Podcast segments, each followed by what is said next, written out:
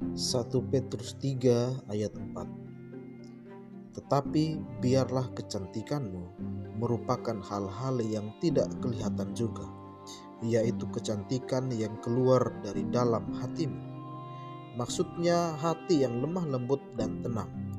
Dan sampai kamu menjadi tua, kecantikan seperti itu tidak akan hilang dan sangat berharga di mata Allah.